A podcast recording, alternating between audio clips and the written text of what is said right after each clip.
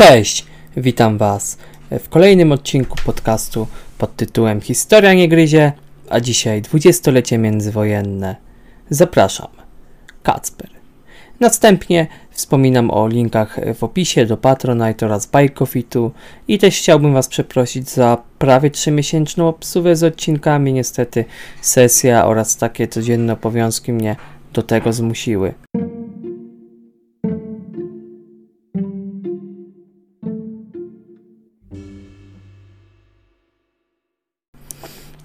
Jak wiecie, z ostatnim odcinkiem skończona została epopeja o I wojnie światowej.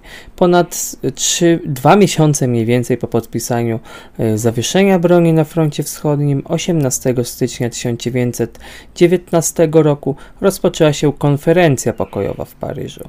Miały na niej zapaść ustalenia dotyczące nowego ładu międzynarodowego i stabilizacji sytuacji politycznej. Na rozmowy przybyli przedstawiciele 27 zwycięskich państw oraz ich sprzymierzeńców. Spośród członków Antanty do oddziału w, w obradach nie dopuszczono Rosji. Uznano, że zdradziła ona swoich sojuszników, gdyż zawarła ona separatystyczny pokój z państwami centralnymi. Decydujący głos podczas konferencji miała Rada Najwyższa złożona z szefów rządów i ministrów spraw zagranicznych e, pięciu mocarstw, tak i też innych pozostałych pięciu mocarstw, co się nazywało tak zwaną Radą Dziesięciu, innymi Francji, Japonii, USA, Wielkiej Brytanii oraz Włoch. Najważniejszym prelegentem był prezydent USA Thomas Woodrow Wilson oraz brytyjski premier David Lloyd George oraz e, premier Francji George Clemenceau. E, Włosi mieli nie otrzymać większych zdobyczy terytorialnych na co w sumie liczyli, przyłączając się do Ententy. Prezydent USA e, z faktu, że Stany Zjednoczone stało się hegemonem światowym, planował wprowadzić w Europie system, który pozwoliłby uniknąć kolejnych e, wojen w przyszłości. Dlatego chciał utworzyć międzynarodową organizację, która rozwiązywałaby wszelkie konflikty na drodze negocjacji. Najważniejszy spór toczący się między mocarstwami dotyczył przyszłego losu Niemiec. Francja zamierzała nie tylko odzyskać obszary utracone jeszcze w 1871 roku, ale także zapobiec przyszłemu zagrożeniu niemieckiemu przez jego osłabienie. I właśnie przez tą mm, taktykę wyizolowania Niemiec od areny dyplomatycznej w Europie w okresie dwudziestolecia międzywojennego, według mojej opinii, doszło do e, skrajnego oraz nacjonalistycznego rozwiązania politycznego w Niemiec i dopuszczono do władzy takie partie jak NSDAP. E, również Francuzi dążyli do rozbrojenia Niemiec i nie tylko Francuzi, ale też Wielka Brytania, USA i również do okrojenia terytorium. E, rozpadły się również trzy wielkie monarchie po I wojnie światowej. Cesarstwo niemieckie upadło, Austro-Węgry oraz Cesarstwo Rosyjskie. W 1917 roku niepodległość uzyskała Finlandia, potem Estonia, Łotwa, Litwa, Polska, Czechosłowacja, e, Islandia oraz Irlandia.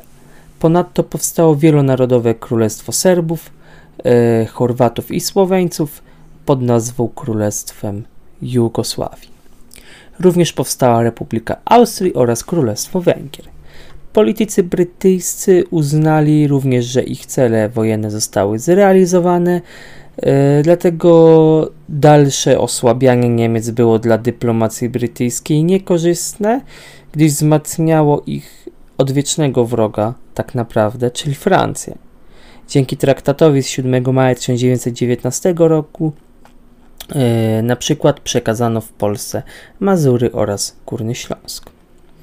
E, również 28 czerwca 1918 roku podpisano traktat wersalski, który wszedł on w życie od stycznia następnego roku. Na podstawie traktatu pokojowego zredukowano liczebność niemieckich sił zbrojnych do 100 tysięcy zawodowych żołnierzy, wojsk lądowych oraz 15 tysięcy marynarki wojennej.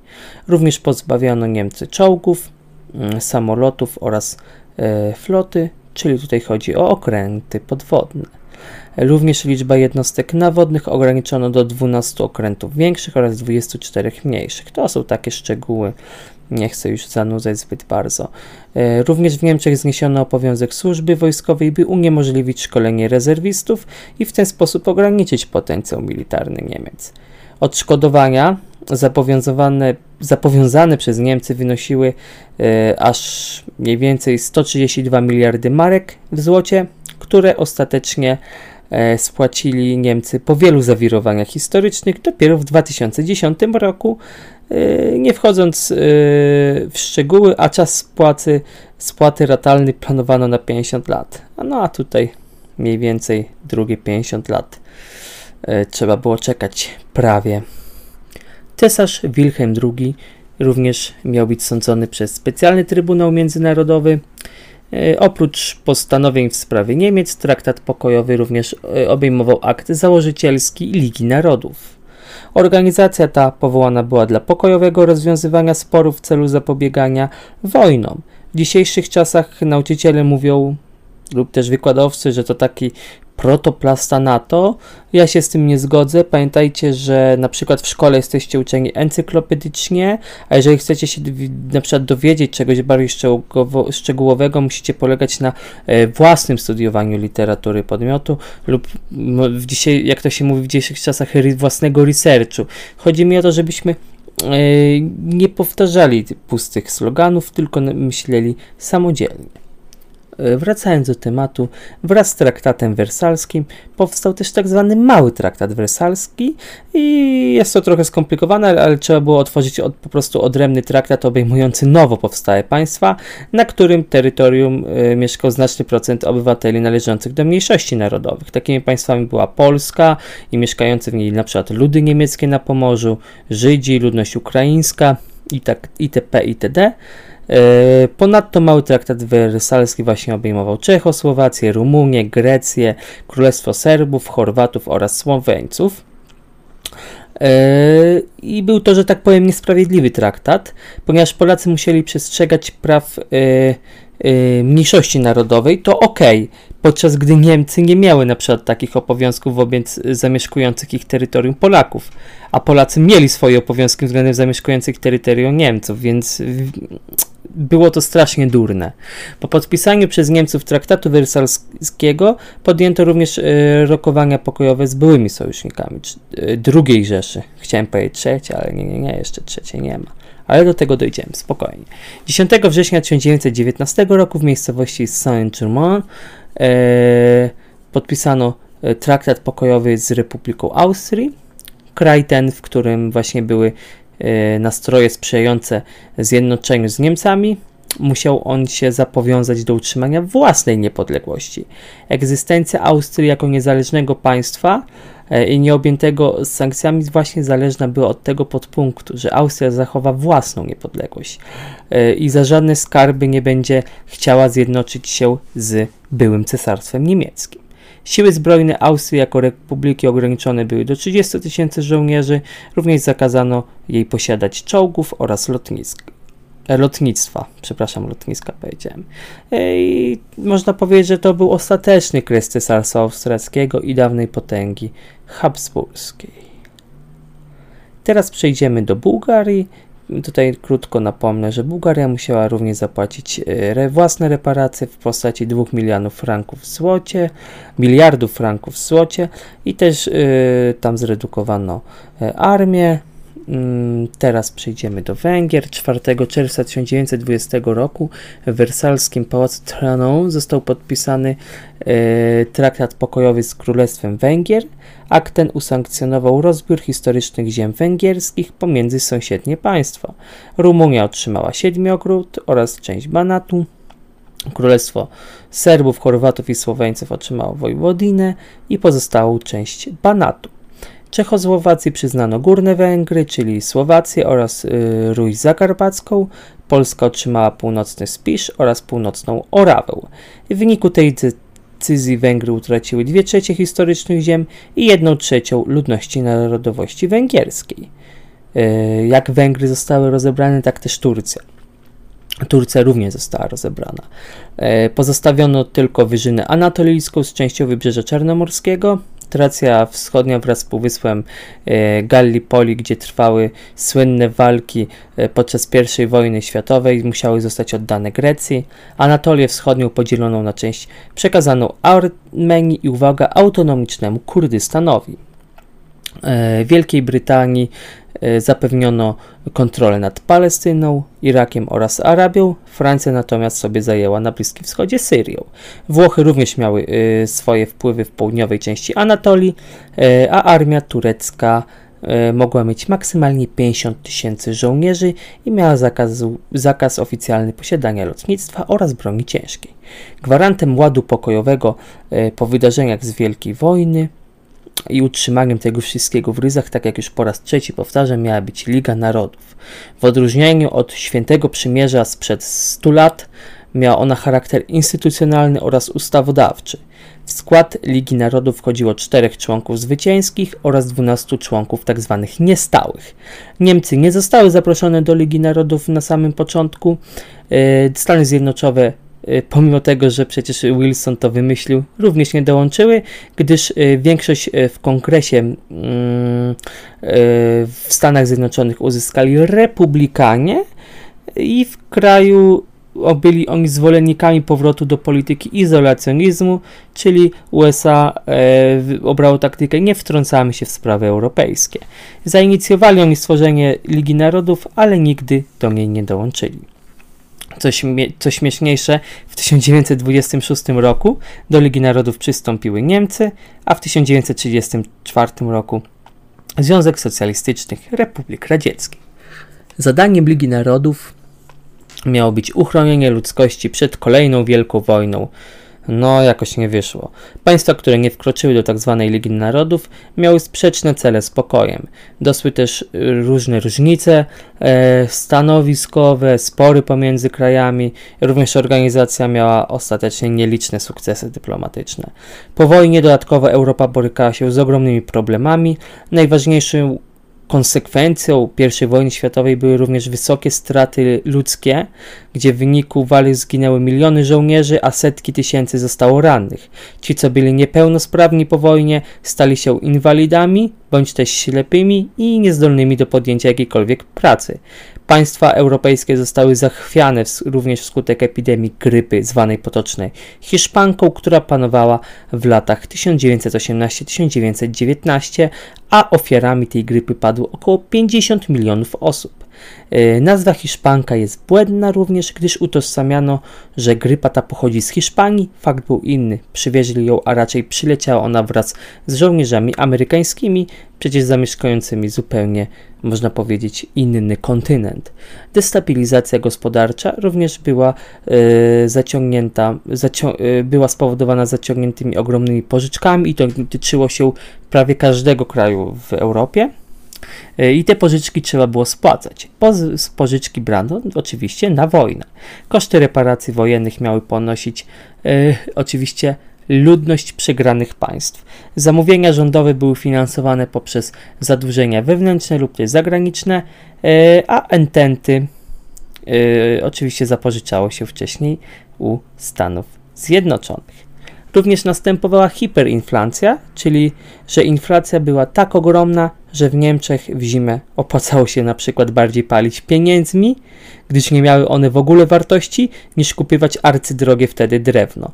To jest taki mniej więcej przykład hiperinflacji, która trwała w dwudziestoleciu międzywojennym.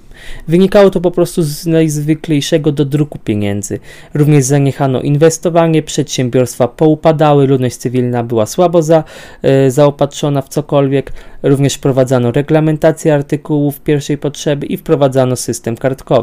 Niższe warstwy społeczeństwa. Były niedożywione, a jeżeli chodzi o ekonomię, to w miejsce obowiązującego liberalizmu ekonomicznego nastąpił tzw. Tak etatyzm państwowy, w którym władze ingerowały silnie w sprawy gospodarcze i dążyły do jak największej samowystarczalności ekonomicznej.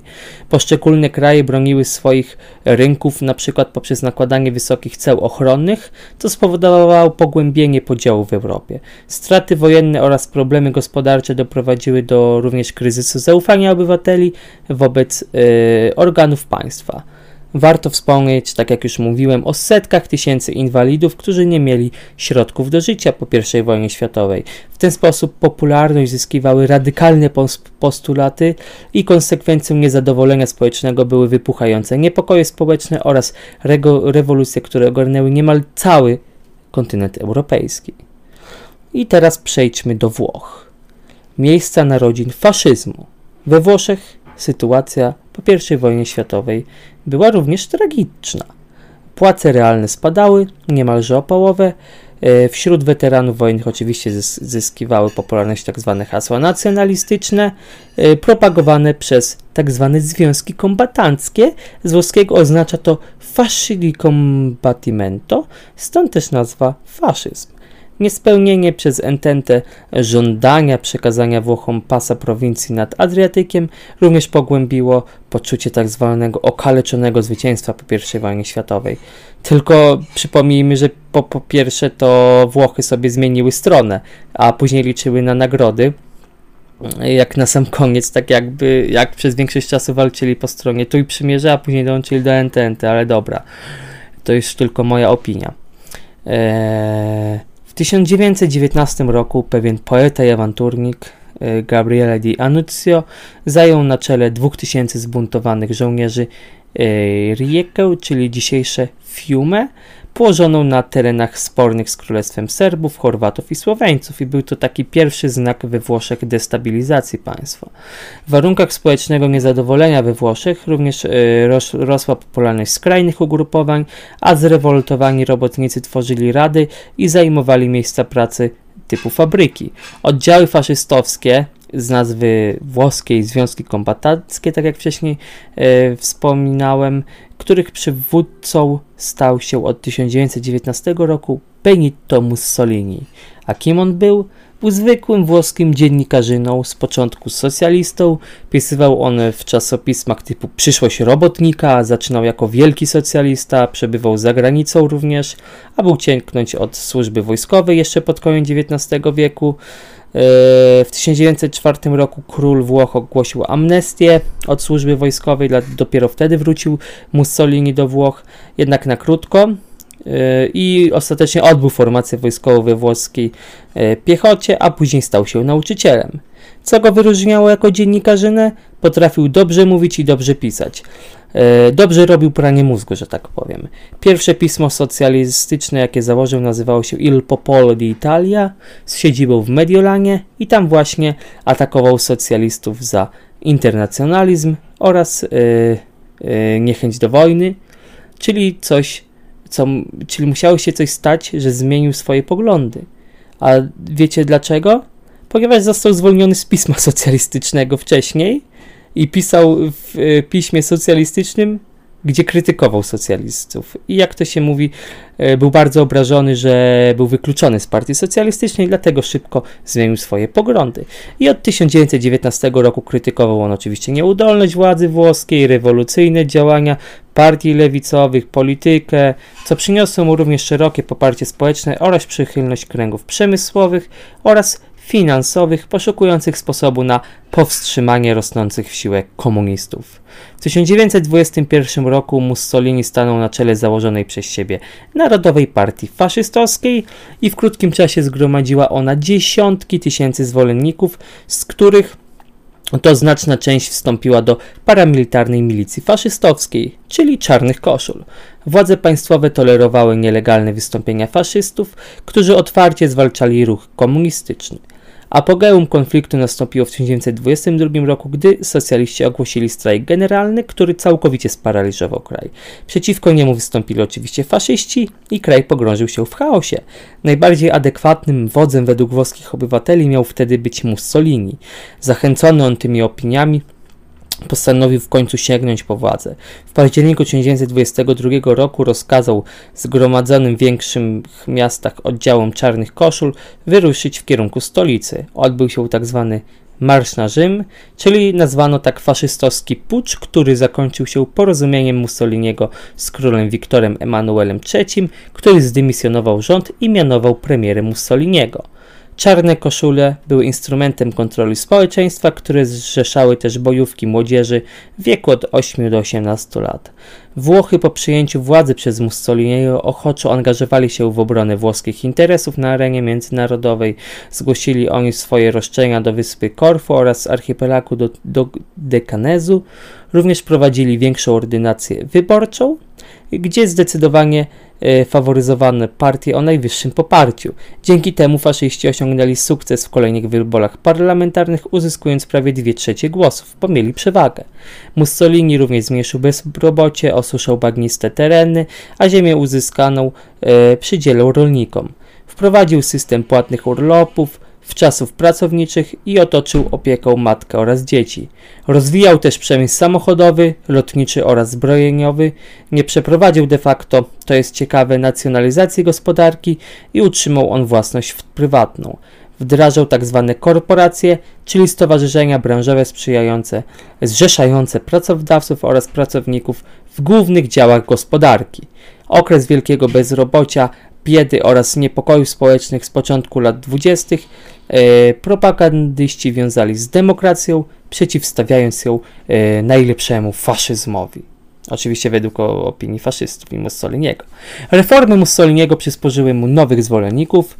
E, użył on tego do budowy państwa totalitarnego. Specyfiką włoskiego faszyzmu był brak masowego terroru oraz haseł rasistowskich, oraz e, antysemickich, jednakże represje wobec przeciwników faszyzmu prowadziła specjalna policja polityczna, a podejrzanych osadzano oczywiście w obozach pracy na Wyspach Liparylskich, więc oczywiście władza Mussoliniego była całkowicie totalitarna.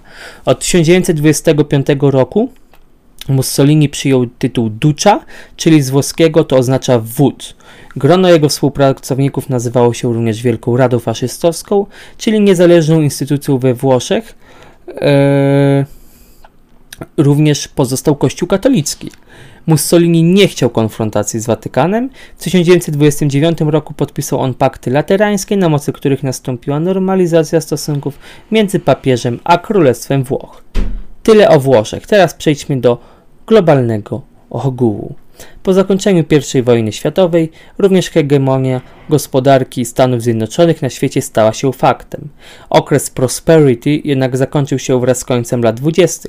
W 1929 roku w Ameryce pojawiły się oznaki kryzysu gospodarczego, e, gdzie w poszukiwaniu zysku inwestowano w papiery e, wartościowe, czyli w majątki na papierze. Największa katastrofa wydarzyła się 24 października 1929 roku, kiedy to nastąpił krach na nowojorskiej giełdzie Wall Street. Dzień przeszedł ten do historii jako czarny czwartek. Nowojorską giełdą wstrząsnęła panika spowodowana nagłą sprzedażą znacznych pakietów akcji. Gwałtowny wzrost podaży przełożył się na szybki spadek kursu, a to oczywiście kursów giełdowych, a to sprawiło, że panika obejmowała coraz szersze kręgi inwestorów. Klienci zaczęli masowo wycofywać swe lokaty, co załamało system kredytowy, a domy bankowe zaczęły upadać. W krótkim czasie upadło 650 banków, a w efekcie braku e, płynności finansowania zbankrutowało tysiące przedsiębiorstw.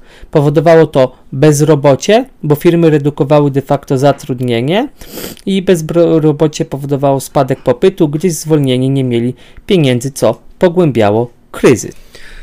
W efekcie w 1933 roku gospodarzem Białego Domu został demokrata Franklin Delano Roosevelt, który podbił serca wyborców swoim hasłem e, Szczęśliwe dni powrócą. Jednym z jego postulatów była walka ze społecznymi skutkami wielkiego kryzysu, E, przy jak największym zaangażowaniu władz państwowych. W marcu 1933 roku nowa administracja przystąpiła do działania. Wprowadzono zakaz wywozu złota, srebra oraz walut. Rząd również przyznał e, wielu bankom kredyt e, stabilizacyjny, który zabezpieczał banki. Zniesiono również parytet złota, co otworzyło państwu drogę do legalnego druku pieniądza koniecznego do sfinansowania wielkich programów społecznych. Dolar również uległ dewaluacji, czyli obniżce swojej wartości wobec obcych walut, co przyniosło swoje pożyteczne skutki na eksport. Państwo również sięgnęło e, po dochody ze sprzedaży alkoholu, ponieważ zniesiono obowiązującą od 1919 roku prohibicję, czyli zakaz produkcji i sprzedaży napojów alkoholowych. Rozwinął się również e, region Doliny Rzeki Tennessee, gdzie powstały nowe zapory wodne, elektrownie oraz drogi oraz nowoczesne gospodarstwa farmerskie. E, przy robotach publicznych zatrudniono ponad 8 milionów osób, które były bezrobotne i również Program antykryzysowy Roosevelta zyskał nazwę New Deal, co oznaczało z angielskiego Nowy Ład. Skądś my to znamy. Politykę Roosevelta można też było nazwać po prostu interwencjonizmem. Yy, I teraz przejdziemy do tego, czego oczywiście moi słuchacze najbardziej e, podejrzewam oczekiwali, czyli powstanie III Rzeszy, której dzisiaj tylko napomnę. Od razu mówię, że w planach mam miniserię podcastu pod tytułem Hitler Narodziny Zła, w którym będziemy omawiać psychikę, historię oraz najciemniejsze zakamarki z życia jest jednego z największych zbrodniarzy czasów II wojny światowej, ale na razie przejdźmy do roku 1918. W listopadzie tego roku abdykował cesarz Wilhelm II. Władzę przejęła tzw. Tak Rada Pełnomocników Ludowych, utworzona przez Socjaldemokratyczną Partię Niemiec, w skrócie SPD. Na jej czele stanął Friedrich Ebert. Powstała Rada Wykonawcza reprezentująca lewicę rewolucyjną. Był to czytelny przejaw rozłamu w niemieckim ruchu robotniczym, którego umiarkowane skrzydło Socjaldemokraci dążyli do zmiany ustroju państwa z monarchii na republikę demokratyczną. E, oczywiście byli też komuniści, którzy pragnęli rozpętać wzorem bolszewików rewolucję i wprowadzić dyktaturę proletariatu. Żołnierze, którzy byli zdemobilizowani, również dołączali do tzw. Tak Freikorpsów, czyli organizacji ochotniczych oraz nacjonalistycznych, e, i również dochodziło do walk na ulicach między Związkiem Spartakusa, którzy reprezentowali e, marksistów, i e, e, walki były oczywiście z Freikorpsami. Mm, również schwytano Róże Luksemburg i Karla Liebknechta, czyli przywódców marksistowskich i pozbawionych przywództwo oraz też pozbawiono ich życia w Niemczech. Krótko potem odbyły się wybory do Zgromadzenia Narodowego, które, uwaga, nie odbyły się w Berlinie z powodu zamieszek, e, e, oczywiście o których wcześniej wspominałem, ale wybory odbyły się w Weimarze na terenie Saksonii. Dało to początek e, nowej nazwie państwa niemieckiego Republiki Weimarskiej, gdzie również dalej trwały zamieszki, a w ulicznych egzekucjach śmierć poniosło około 1400 osób. Niemcy ogólnie w latach 20. przeżywały bardzo trudny okres, rozwijały się bardzo radykalne ideologie, i również monarchiści i nacjonaliści oskarżali SPD o zdradę. W marcu 1920 roku w Berlinie przeprowadzono zamach stanu, który nazwał się e, Puczem Litwica. Była to pierwsza, ale jak nie wiecie, nie ostatnia próba obalenia siłą nowego porządku konstytucyjnego przez skrajną prawicę.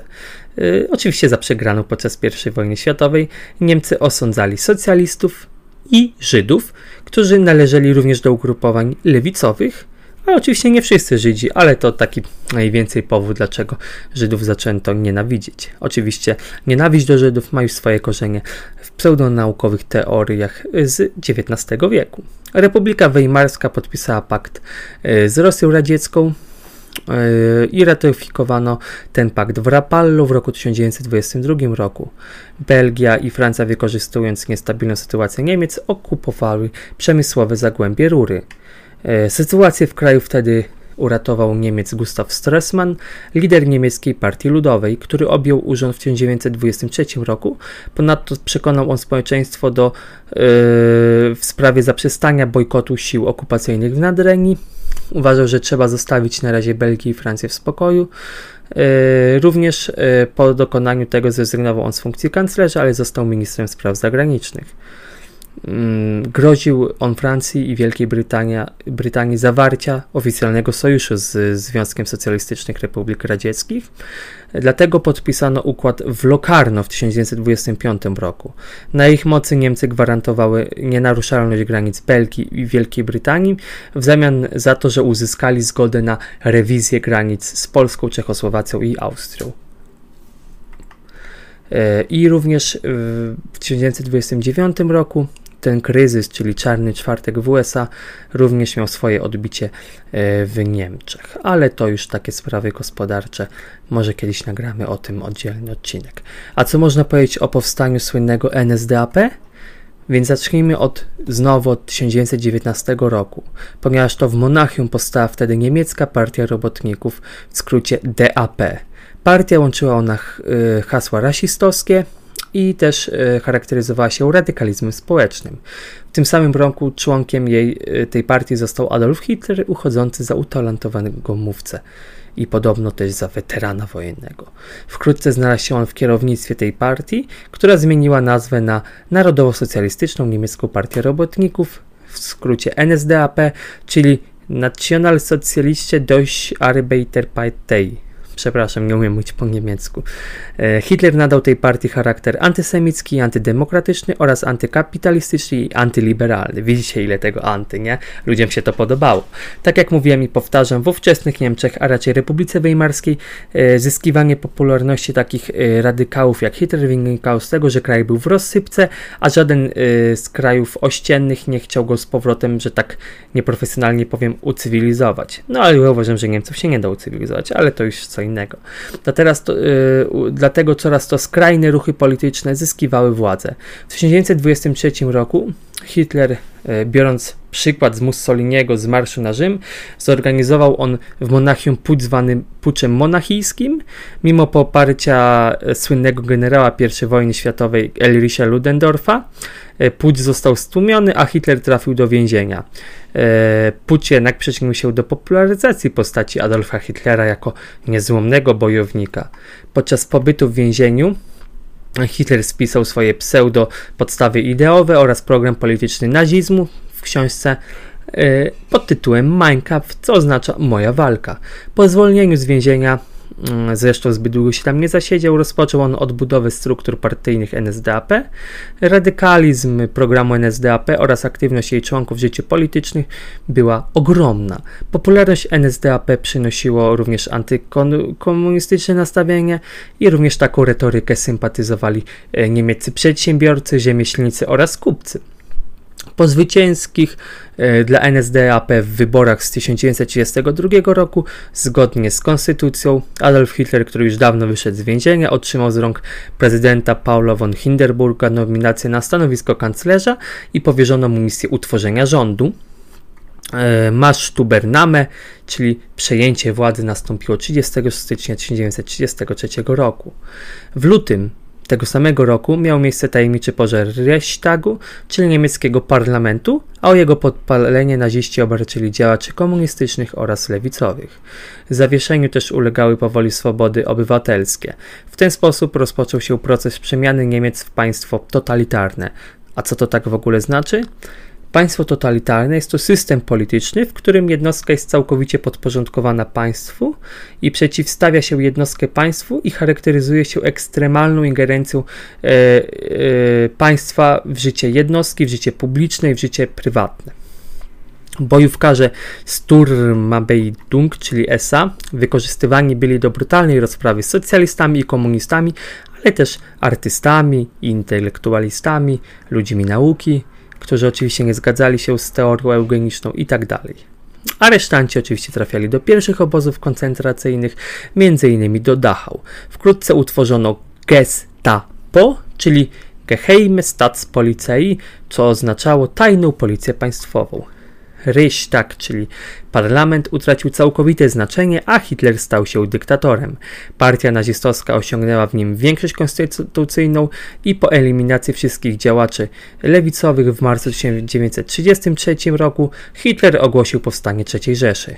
Kraj ogarnęły oczywiście ogromne represje polityczne, czego wyrazem było aresztowanie w ciągu kilku miesięcy aż 50 tysięcy osób. Od lipca NSDAP było jedyną legalną partią w Niemczech. Każdy urzędnik państwowy i nie tylko musiał należeć do partii. Partia, a z nią państwo miało strukturę wodzowską i na czele organizacji państwa stał Führer, czyli z niemieckiego wódz. Tak jak e, tutaj może być konotacja duce e, wódz e, w Włoszech, ale tutaj oczywiście nie mylmy nazizmu z faszyzmem. Musimy się nauczyć to odróżniać, ale to Ja już to o tym pomina, już napomniałem w ostatnich odcinkach, ale oczywiście do tego jeszcze przyjdziemy. Wracając do tematu, decyzje uważano za, decyzje odważa, uważano za niepodważalne oraz ostateczne.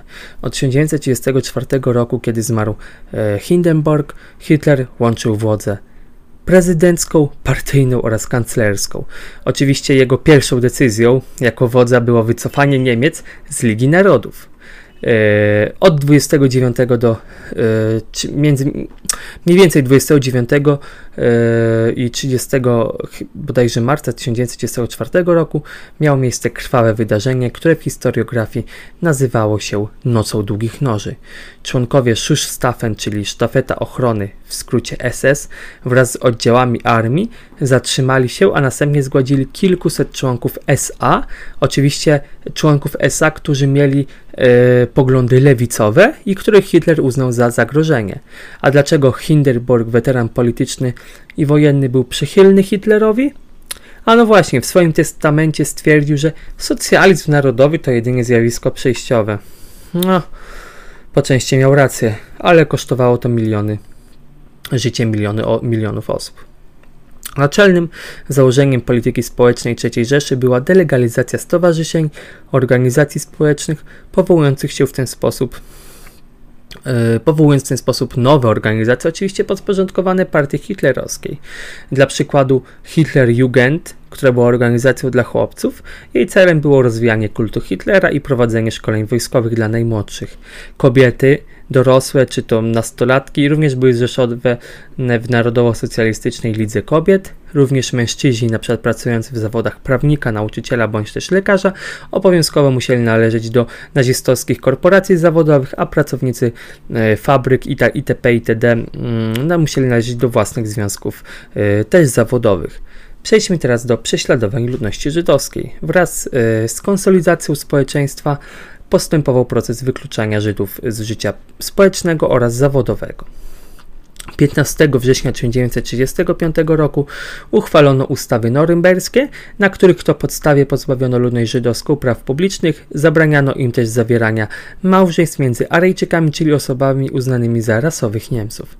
Doprowadziło to do wydarzeń takich jak Noc Kryształowa, rozegrana z 9 na 10 listopada 1938 roku, gdzie pod pretekstem odwetu za śmierć niemieckiego dyplomaty z ręki żydowskiego emigranta w Paryżu w wielu miastach III Rzeszy doszło do zabójstw Żydów, napaści na nich, podpalano synagogi, domy oraz tysiące sklepów i domów stanowiących miejsce zamieszkania oraz e, miejsce utrzymania dla Żydów.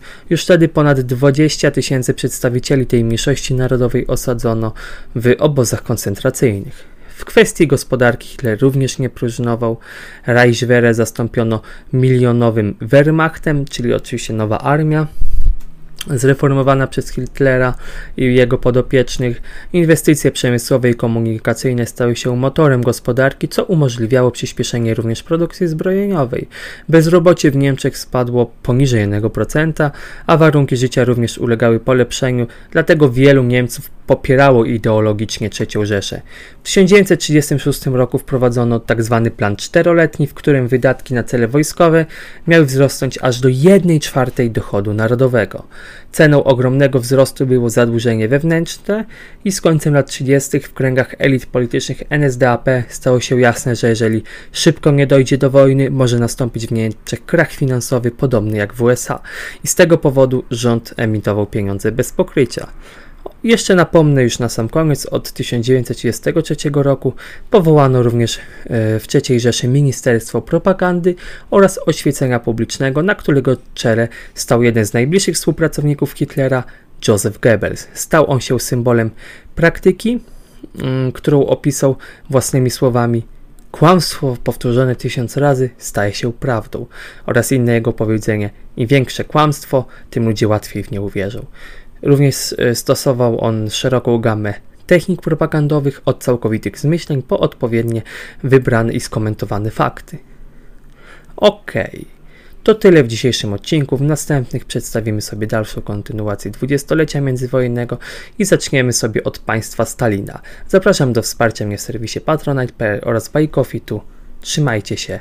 Cześć!